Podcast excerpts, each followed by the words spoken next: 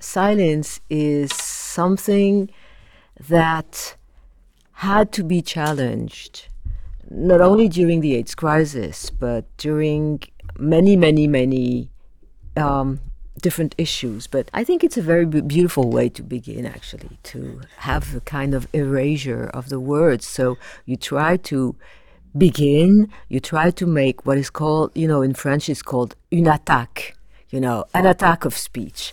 And then you don't record.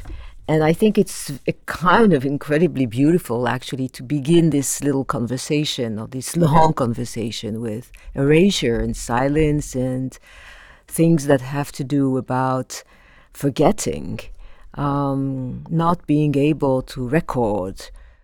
When you're in the business of recording podcasts at a museum, things can't get much worse than having Élisabeth Lebovici at the microphone when your voice recorder decides to add noise and distortion and not knowing what's going on or how to fix it. With her characteristic humor and lucidity, Lebovici incorporated the mishap into her discourse, and our conversation flowed smoothly, skirting artifacts and cold sweats. The fragility of the moment, words erased and forgotten, and our determination to keep recording are now part of this document. Élisabeth Lebovici is an art historian, critic, and activist. She was culture editor of the French newspaper Libération and is currently the writer of the blog Le Beau Vice. In her latest book, Ce que la sida m'a fait, she draws on personal experience to reconstruct the effects of the AIDS crisis on our ways of living in the world, interacting with each other, and representing ourselves. Over the years, embracing activism and artistic practices, Lebovici has woven a history of feminist, lesbian, queer, and dissident art that diverges from the dominant narrative of patriarchal heteronormativity. In this podcast, Élisabeth Lebovici invites us to engage with silence.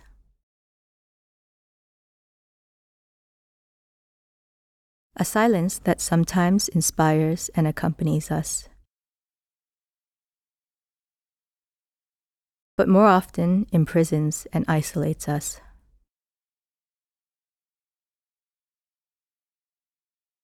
Silence equals death, said an 80s ACT UP slogan. Lebovici reflects on the AIDS crisis during that decade and on the crucial role of conceptual art and activism in shaping the new visual and affective paradigms, which gave voice to communities that the capitalist liquefied society was and still is striving to smother. We also talk about poetry, pornography, and all that art that museums balk at hanging on their walls. I think that the very famous um, logo, slogan, words of ACT UP, which is silence equals death, written in a certain manner, on a certain type of, with a certain type of typeface, and put on every kind of posters, uh, flyers, whatever t-shirts available with the pink triangle, the pink triangle of deportation inversed upside down on a black uh, ground. Became a kind of image actually or representation for the AIDS crisis which had none. It became, you know, a kind of symbol that the AIDS crisis uh, didn't have at the time. But I think you know everybody has said that the uh, this slogan that was actually built made collectively but appropriated by Larry Kramer, the founder of ACT UP.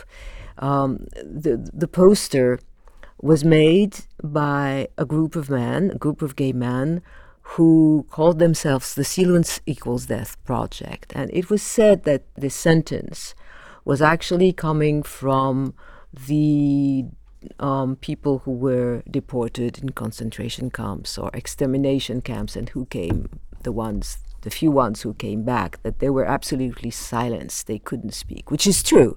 There are many, many testimonies about the fact that the people who came back were absolutely speechless. And not only were they speechless, they were totally silenced. But I prefer to say it comes from the black lesbian poet Audre Lorde, who in 1979 actually uh, spoke at a lesbian congress about language. And what she said was she was talking about her cancer, and she said, um, My silence didn't protect me. Your silence will not protect you. And she was talking about the fact that if she had not been helped by others, she would have died. If she hadn't been out and spoken, outspoken, this thing would have, I mean, she would have disappeared into silence. She disappeared into silence is a is a is a beautiful um, engraving by by uh, by Louise Bourgeois. By the way, so you know, I see all these associations, and this is what I do in my work. I work with associations. This is I have I I'm very happy to say I don't have a methodology. I have, but I don't. You know, I don't reference myself to, you know, to Marxism or to structuralism. I've read all these things, but I, I try to say I have no methodology. My methodology is free association, you know, and experience. So anyway, as you see, I'm free floating, and I'm trying to, you know, comply with your demands, which is to be free floating in language, and uh, and so I think that this idea that silence equals death is something that is very is very demanding, is very important. Silence and visibility have to be challenged at certain times. Um, always, actually, it's it's very complicated. But I've also learned, you know, during the times that again, to be outspoken, to speak, is a way to make public something, is a way to come out, is a way to make yourself extremely uh, transparent to what is happening to you, to what you're thinking, to what your um, your desires or your fears are. And sometimes there are people who are not able to speak, and it's also something we should take into uh, consideration. Again, the my very very best friends who died of AIDS in the early 80s, let's say, they couldn't speak. Um, my friend Patrick, to be very precise, Patrick Braco, who died in 1986, sorry, in 1986, he never said he was HIV positive. He never said he, you know, it was AIDS. He just couldn't say it. He couldn't speak. It was impossible for him. And fortunately, we knew. So we could actually be there, be there all the time because he needed us without pronouncing the name. Because, you know, to pronounce the name AIDS would have said you're, you're dying. Huh? So I've learned also that this idea that silence, silence equals death, you know, it's very important. And I really support that. And I think in every case it is al- always very important. But then we have to live with people who are in the impossibility of speaking. And there have been so many examples, so many people, and there still are so many people who that cannot speak, that cannot say what is happening to them, what they are going through, or what they are, what is what their body is going through, because because it's impossible for many many reasons. So we have to take into account this incredible amount of silence that we find in our societies and amongst the living, the living things, and also the the humans. Silence is is linked to my activity. Silence is linked to many activities I love. Silence is linked to reading, which is an incredible way to be alone with a piece of writing, alone with a novel, alone with, you know, or looking.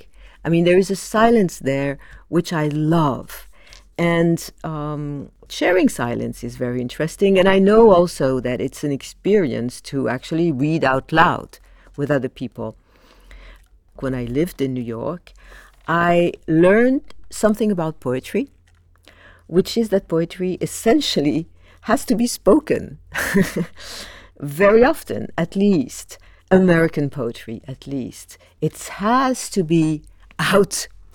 I've, I've listened to an incredible amount of poetry readings, as it was called, um, in New York, and I know that at the moment it's booming. You know, people don't go to concerts. I mean, young people. I've was told that young people don't go to concerts anymore, to whatever cinema. Of course not.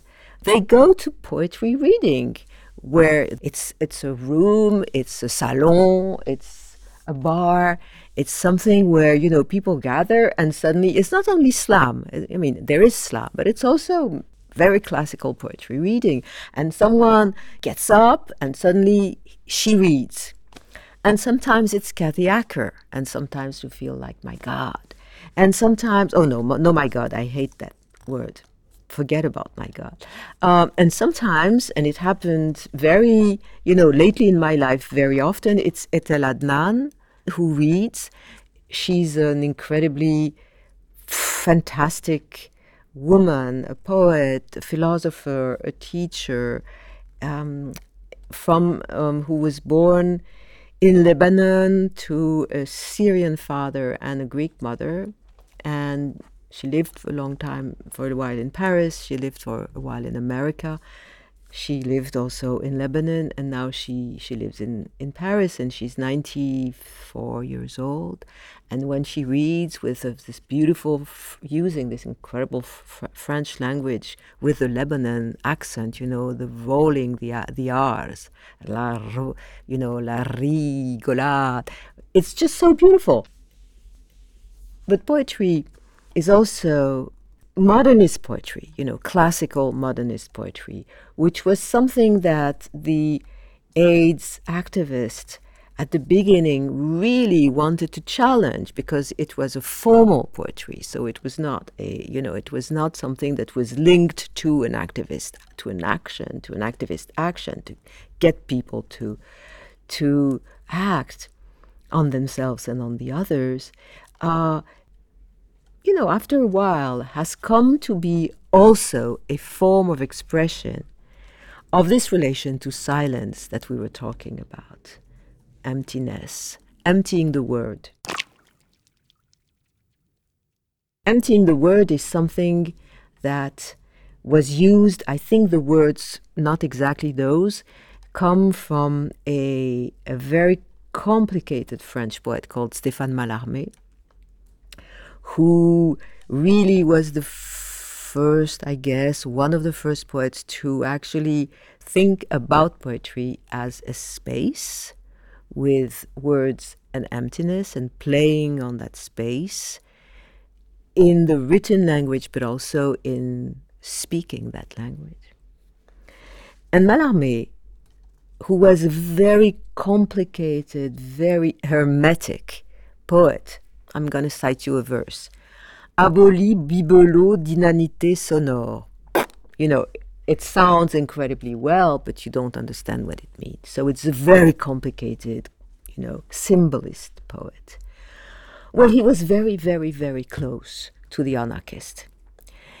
I shouldn't say that, but he was also very, very, very close to the people who actually put bombs, you know, in the late 19th century in Paris, you know, the, the, the activist anarchists. So that's really interesting. And Mallarmé said that you couldn't appreciate his poetry if you weren't close to that idea of danger and of anarchism. So I think we go back to activism and poetry.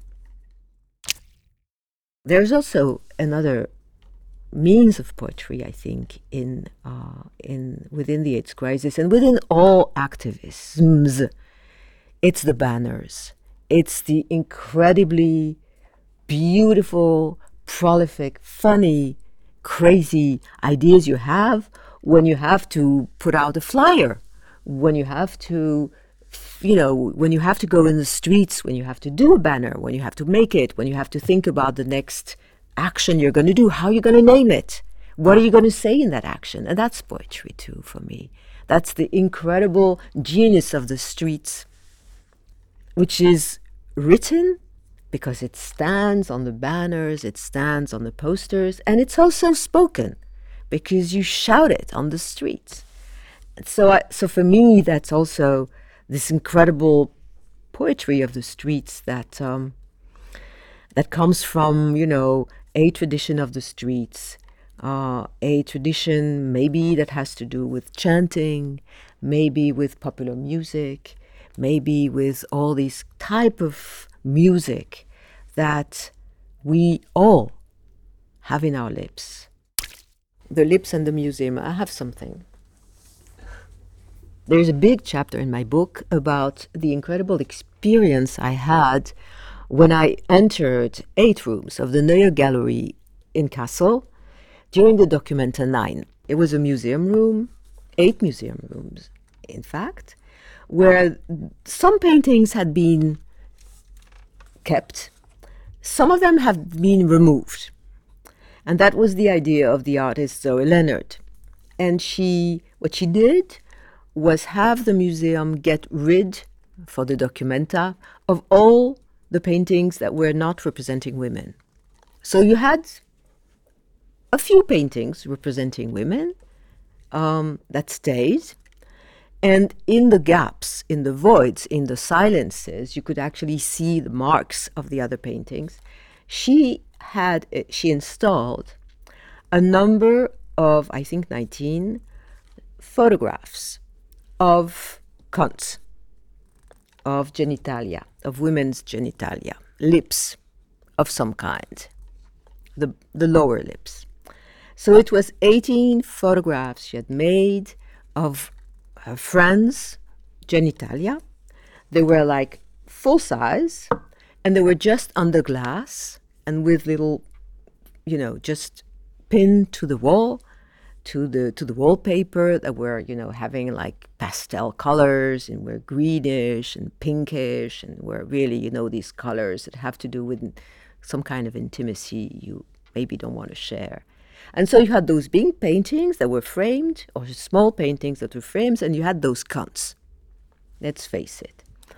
For me it was like the most incredible experience I always say that, uh, first of all, because it made me understand what a museum was about. Huh?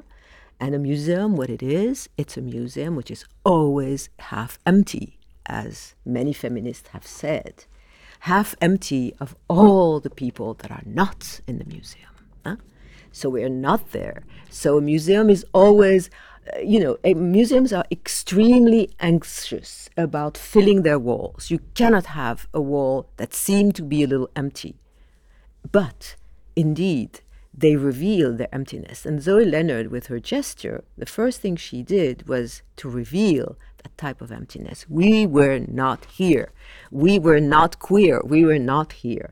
You know, the famous slogan, we're here, we're queer, get used to it. And the second thing, of course, she, she made us understand is that uh, is that of the representation of women. You know, how are women painted generally by men? Although in that museum there were also people like Angelica Kauffman, artists like Angelica Kauffman, who pa- painted also. And she was also she was a woman and she painted, but still, you know, it's it's the famous male gaze that we actually saw on in these representations. But I think it went a little further. I think by looking at these genitalia and then looking at the painting, some kind of conversation was happening. And also, it was not a conversation between the paintings, although it was a conversation. It was also a conversation with us, asking us about our desire, you know. What is our desire in the museum? What type of desire do we have? Um, what what kind of desires can we actually speak for? Who are, you know, it was also questions, conversation with us and conversations between the things. So we were having a conversation with things, which is always very interesting. So it really raised my interest about this idea that what are those lips? How do those lips speak? There's a whole erotic tradition that goes back to the Middle Ages that actually assert that women speak more truly from their lower lips than their upper lips. In short, they actually lie. But then with the lower lips, something more than the truth can actually get by. And this whole erotic tradition is, is goes from the middle, you know, Middle Ages, at least in, in Europe, and then goes a little further. And in the 18th century, it's the peak of that tradition. There is a very famous book that we all study in school, in fact, by the first uh, French art critic, Denis Diderot, which is called The Indiscreet Jewels. The jewels, of course, being uh, those lips. And the idea that, you know, we have to con- discuss the kind of truth or false falseness that actually our genitalia have to say.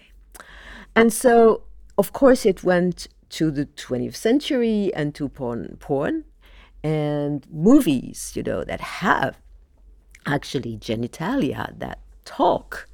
Um, plenty of examples. There is a, a French film called Le Sex That Talks.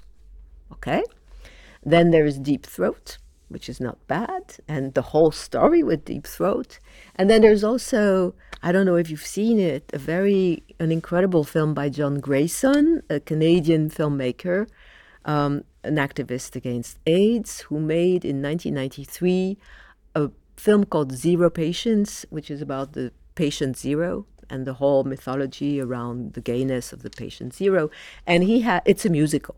So it's a musical about AIDS, and then you see two anuses which speak. What do you think? I think I don't know. You know, things like that in the musical. And they actually dance, and it's very nice. So you have this tradition, and I think that Zoe Leonard actually reactivates the whole this whole discussion about truth or dare and pornography. And then in the 90s, we were in the middle of those enormous culture wars in America, you know, where everything that had to do with sex was supposedly bad, and not only bad, but supposedly a contamination of the very clean American mind. It reminds us a little bit um, about today. Huh? And I think this, this message and this vocabulary is still extremely um, extremely potent. I was reminded of a film, uh, Doctor Strangelove by Stanley Kubrick, where um, the there is a general who is totally crazy, who is very paranoid, and he thinks indeed that um, the the whole I mean he thinks a lot about that whole idea of the image as contamination, and so in the 90s, it is the image that actually contaminates. It's the image that makes you a homosexual. It's not, you know, so it's it's very very perverse what is happening in the in the American Senate. So there's this enormous debate, and in this debate there is also a debate about amongst feminists about pornography. So I talk very at length about what was happening in in the within the feminist realm, and it was also this the case, at least in France, I don't know, in, in Spain, but I'm sure it's true, between the, the, the pro pornography and the anti pornography, and it was extremely violent. So I'm talking about also about all this debate that this work suggests. There is indeed a big break in the late 80s with ACT UP in New York, in Paris, in many other places, because it's um, the fact that it's it's it's really a political organization. It's a political. It's an organization which is moved by rage, but it's an organization which is not helping the people with AIDS. It's an organization which is going out in the streets to claim, as ACT UP has said, you know, put treatment in our bodies. So it's an organization that actually makes things as I do, you know, associate, free associate why is that? Why are those things happening? Why am I invisible? Why am I shouting in the streets and nobody is taking attention? We're going to die. Nobody is paying any attention. The government is not paying any attention. Doctors are not paying any attention. Everybody's into panic. They're all making us invisible. And we're there and we're in the streets and we're dying. Why? And it's a very, very precise analysis of the, the powers of the institution and how, indeed, you know, as Foucault says, these power are also in us. Huh? And the way we, we have these, these politics in our bodies and how we can actually try to uncover these powers and get to these powers and try to make these these powers again do something you know. So it's an organization that acts so that people act. And there you're in the street you're showing your body you're saying you know i am dying. The i is very important there. I am dying you know. It's me. It's not an abstract person. It's me. And i'm in the street and i'm there. And that's really um, this movement, which is so, which has been made so potent in in AIDS history. Now it has changed again, and you know it has also changed in many many other countries. It's really a movement that actually took place uh, within the Occidental patriarchal um, nations. I mean, the migrants, the refugees, the trans community was pff, totally invisible and is still. And the, there is a, a big prevalence of, of, uh, of HIV uh, amongst, uh, amongst trans people who were totally invisible. But also, you know, there was an organization for the people who were deaf and, and many other disabled people because information was not getting at them. So I remember very well that in, indeed in ACT UP we had a, a, les sourds en colère, the deaf uh, in rage, mm-hmm. because deaf people had absolutely no idea of what was happening. Nobody was telling them. And the invisibility of the lesbians is something I, I, I was when you when you try to write a book and it's really a very partial book again you know i'm not i'm not a specialist you know i'm not a researcher I there are some data again facts that I don't know. There are lots of things that I don't know, and it's very important to think about that. I tr- this also the I I do is a kind of restrictive I. You know, this is what I experienced, and I'm not going to talk to you about the AIDS epidemic in you know in Nigeria or in uh, because I, because I don't I'm not capable of doing that, and I it would be totally globalizing to extend my experiences to phases and places where it's been totally different. But let's go back to yes to to to the lesbians. As a lesbian, I, it was very important for me to do to try to write a book about this my experience with and, and putting a lot of lesbian experiences out there in the book and within the reflection about the AIDS crisis. I'm not the only one. Again, Ann Cvetkovich thought a lot about that. There is a lot of accounts, recent accounts about the work that lesbian did, that because they're not in the official history, they're totally out of history, of the of the official history of white men being there. And indeed, not only women were there, but they were very, very important. They, they are still important. And I think for a good reasons. Well, the first reasons, you know, I, I, I interviewed all the, this, these women, these lesbian women, were that they, unsurprisingly or surprisingly, um, took care of all the uh, public actions. You know, in for instance, in ACT UP New York or ACT UP Paris, there was um, a group of people that were actually organizing the public actions, the zaps, the perform. I mean, the performing moment of of the of the activists. And they, these were, most of them were lesbians. Why? Because you know what it is for a lesbian to be out in the street and to deal with public actions, to deal with not visibility, but to deal with the fact that public space was a space that ha- historically, you know, have be, has been restricted uh, to women mm-hmm. has been restricted to lesbians. And I think it's not for nothing that actually we were all dealing with that organization of public space. So, first thing. And second thing, the difficulty of the lesbians to, to get information about AIDS for themselves was quite incredible. Um, I interview my friend Catherine Gonnard, who tried to do a brochure for lesbians, and so she contacted AIDES, you know, this big organization that was that was actually putting publishing brochure um, towards the gay community, toward, towards towards the um, IV users uh, community, etc., etc., communities, but not to the lesbian community. Nothing, absolutely nothing. And when they tried to give that brochure to AIDES to be added, they said, you know, we don't know any lesbian who has AIDS, died of AIDS. First of all, we don't know because I mean, the women who died of AIDS or who were HIV positive, you know, the early cases, we absolutely don't know anything about it. So we don't know. Mm-hmm. And secondly, it presupposes the idea again that, you know, of course, lesbians don't have proper sex, they don't have any sexual activity because supposedly there's no penetration. So, no. And what do they do is the usual question. What do you do? And the, the, the second thing is, of course, they don't use drugs by intravenous. intravenous. Uh, they don't inject.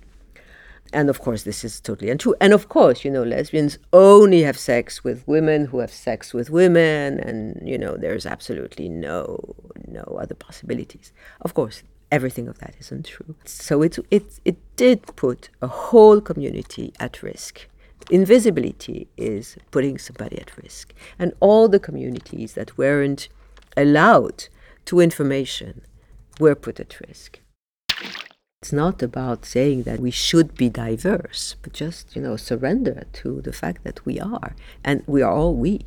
This is a perfect example, you know, of uh, discrimination that happens every day. In, on the contrary of Spain, um, there is uh, the law in France about um, medically assisted procreation is reserved to heterosexual couples infertile who are declared infertile. So they can actually go to Spain and have or to Belgium and or even to you know hospitals in France and have uh, assisted procreation marriage is allowed for lesbians, but it doesn't mean that they can have children through this this procedure because they're not allowed. They're, so there is a kind of very strange thing in the law, which is you are a married couple, but you cannot have medically assisted procreation.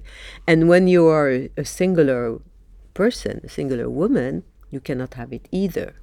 So there, there is a big discussion when Macron arrived to presidency, he one of his promises was, of course, to extend that medically assisted procreation to all women. And of course, he's not done it. We know our Macron now, and we of course know he's not uh, doing what he promised. So there's been a big debate. Should we open medically assisted procreation to singular women or to lesbian couples? And of course, everybody is interviewed, particularly men, particularly, you know, doctors, priests, rabbis, uh, imams, um, but never us. Never us, of course. And there was this recent decision of the Conseil d'Etat, which is like, it's a bit of the Supreme Court. It's half of the Supreme Court. You know, it says if it's legal or not legal to do something. And it says that, well, uh, to get into medical procreation, you have to, to get a law to be changed, you have to address the general interest. So the Supreme Court said that it was legal to say that to adapt the law of medically assisted procreation to lesbians was not of general interest because it was of lesbian interest. It was not of general interest. But it happens that we created with a few friends um, a foundation a small foundation called Lesbian of General Interest, because we knew that to get up to settle a foundation in France, you have to be of general interest. So we said, yes, let's call ourselves Lesbian of General Interest. So we were addressed that's why we wrote this little blurb, you know, because we were addressed by this decision. Well, we don't exist. Of course, we exist. We have, you know, our this organization is there. It has been registered. It's there, and we're working and we're trying to raise money for lesbian projects. So what? You'll notice that I use the word lesbian. I don't say queer. I'm sorry. It's because, you know, again, we are invisible we, we, we should never say lesbians, we, we should say queer, we should include, we should be inclusive. And to be a lesbian is to be very exclusive. It's, it's a white thing, maybe, and you know, it doesn't include trans people, which is not true at all. But you know that there was a study in America that among the LGBT projects that are supported by foundations, only 3% are given to lesbians. And it's even worse when it's organizations that are that are lesbian in our, their statuses, you know, like Astraea, which is a, the big foundation for lesbians and queer and trans, and whatever gender you want to yourself to call. Only 3% of their funds you know, only 5% maybe of their funds are given to lesbians. So we use that word, and I want to affirm that word because I want visibility again to, you know, I don't want invisibility. Lesbians are not invisible. So, yeah, we use the word lesbians, and I know it's very passe, and I know, you know, every time I see a woman of color she says to me, No, I'm a woman who has sex with women. I'm not a lesbian. It's a white colonial word. I know that. But then maybe, you know, I wanted to be out also to resonate this way, also to un- understand it is historical. We have to historicize every of our um, names. The, the, the history of the word lesbian is very small, you know. I'm, I'm studying what I would call lesbian culture from the 1950s. The word lesbian is never used, of course, so it's a very small history. But this history has to be acknowledged. He acknowledge also the fact that it's true, white lesbian had supremacy for a while until black lesbians came out and said, you know, you're not including us in your actions.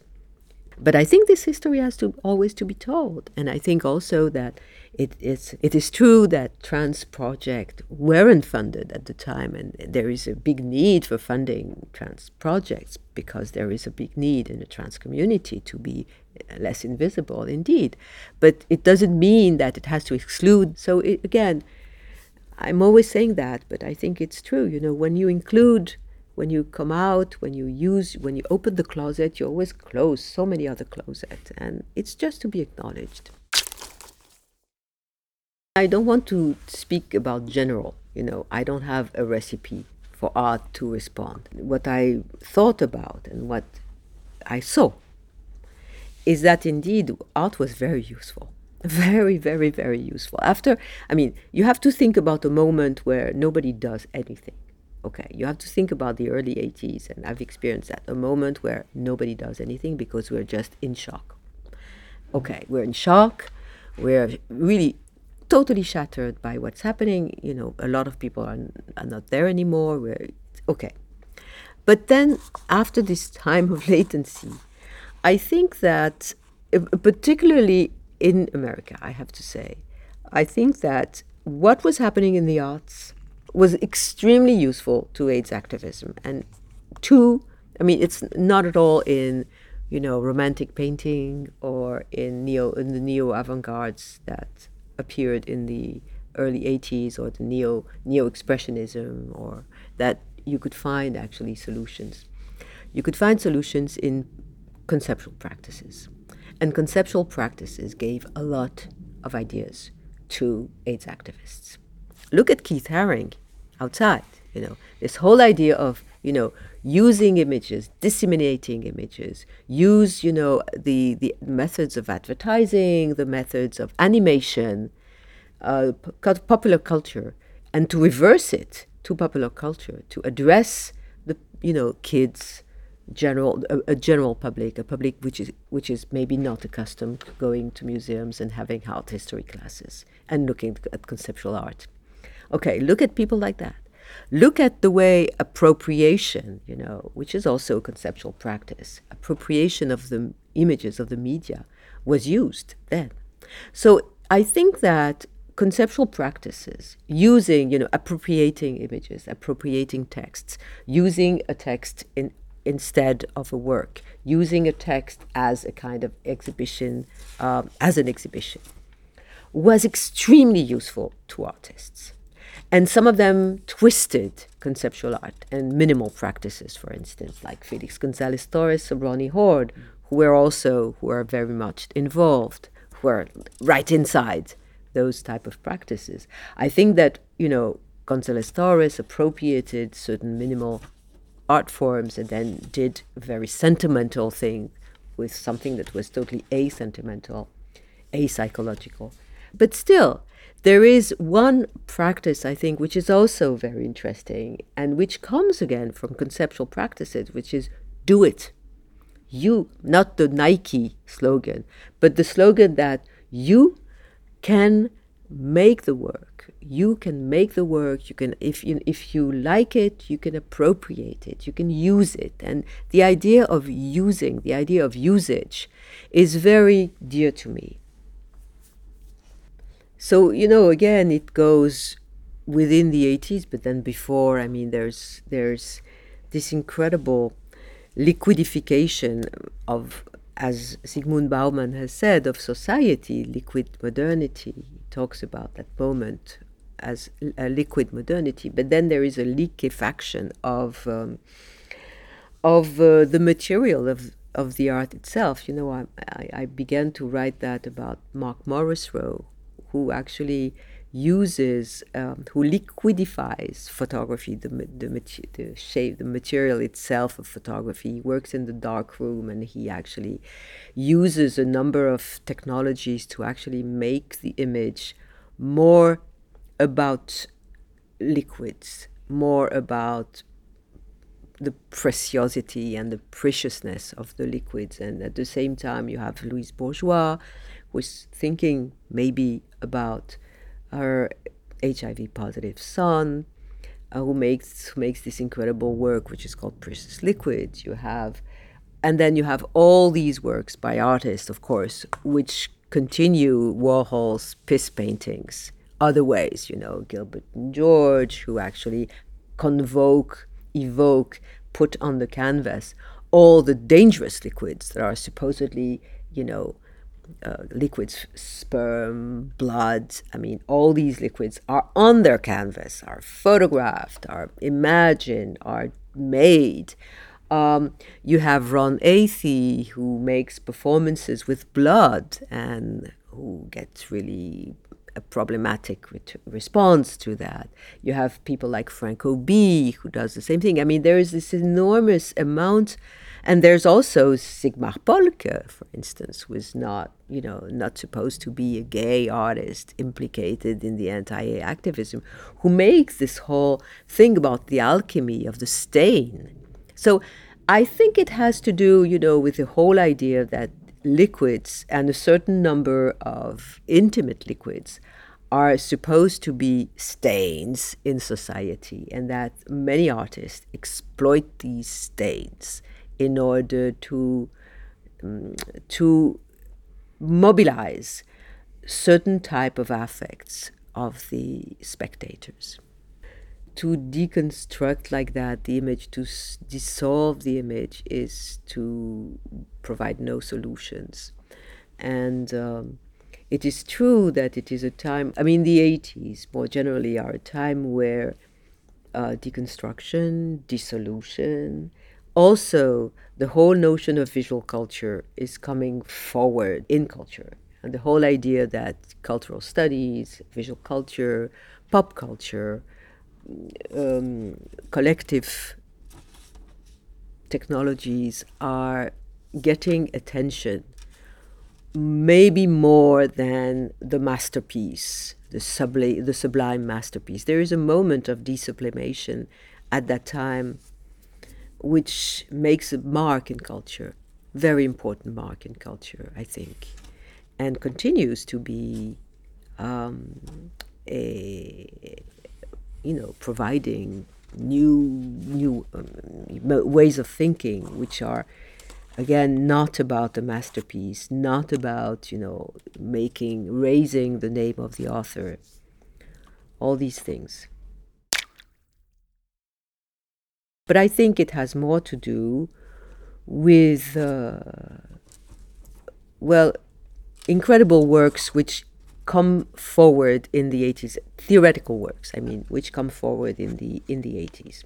Donna Haraway, certainly, you know, with her Cyborg Manifesto, she really brings out subjects, images, um, things that are not masterpieces, that are not about sublimation. I mean, it's a whole way of situating the discourse again, you know, thinking about the situated knowledge and really the, the, examples she draws upon for the Cyborg Manifesto are not the masterpieces, of course. They are other types of works, um, very, very inbred into, again, popular culture, science fiction, for instance.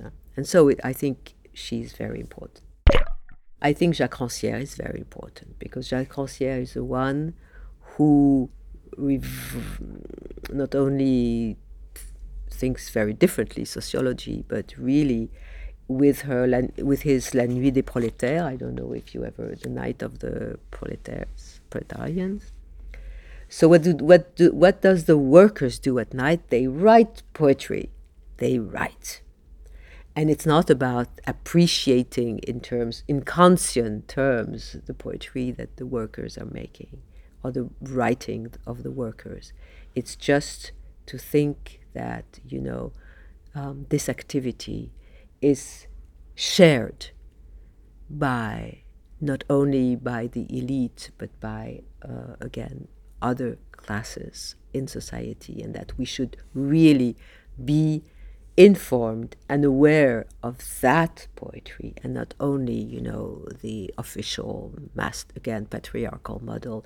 And it's a it's an incredibly enlightening model for all of us i think. The Rancierian model the one where uh, the people are endowed with their own voice with their voices and that vo- those voices which are as important to all of them to to think of, to study, than the the master's voice. It's another way of writing history, and this happens in the 80s. Les Noms de l'Histoire is, is a text from the 80s, and you know the moment where he speaks about the fact that we go from the king, and it's the king of Spain, actually, Philip II, to the Mediterranean Sea, which we know today how many migrants are making that sea. But we go from the from the opinion of Philip II and what happens to the king to the sea, which is a space, which is an extension, which is a, a people's. That is incredibly potent at that time, you know. So this is the voice we're listening to. And it's totally, again, desublimated, or it's sublime, I don't know but it is sublime, it's the sublime of all of us, including people who are not us.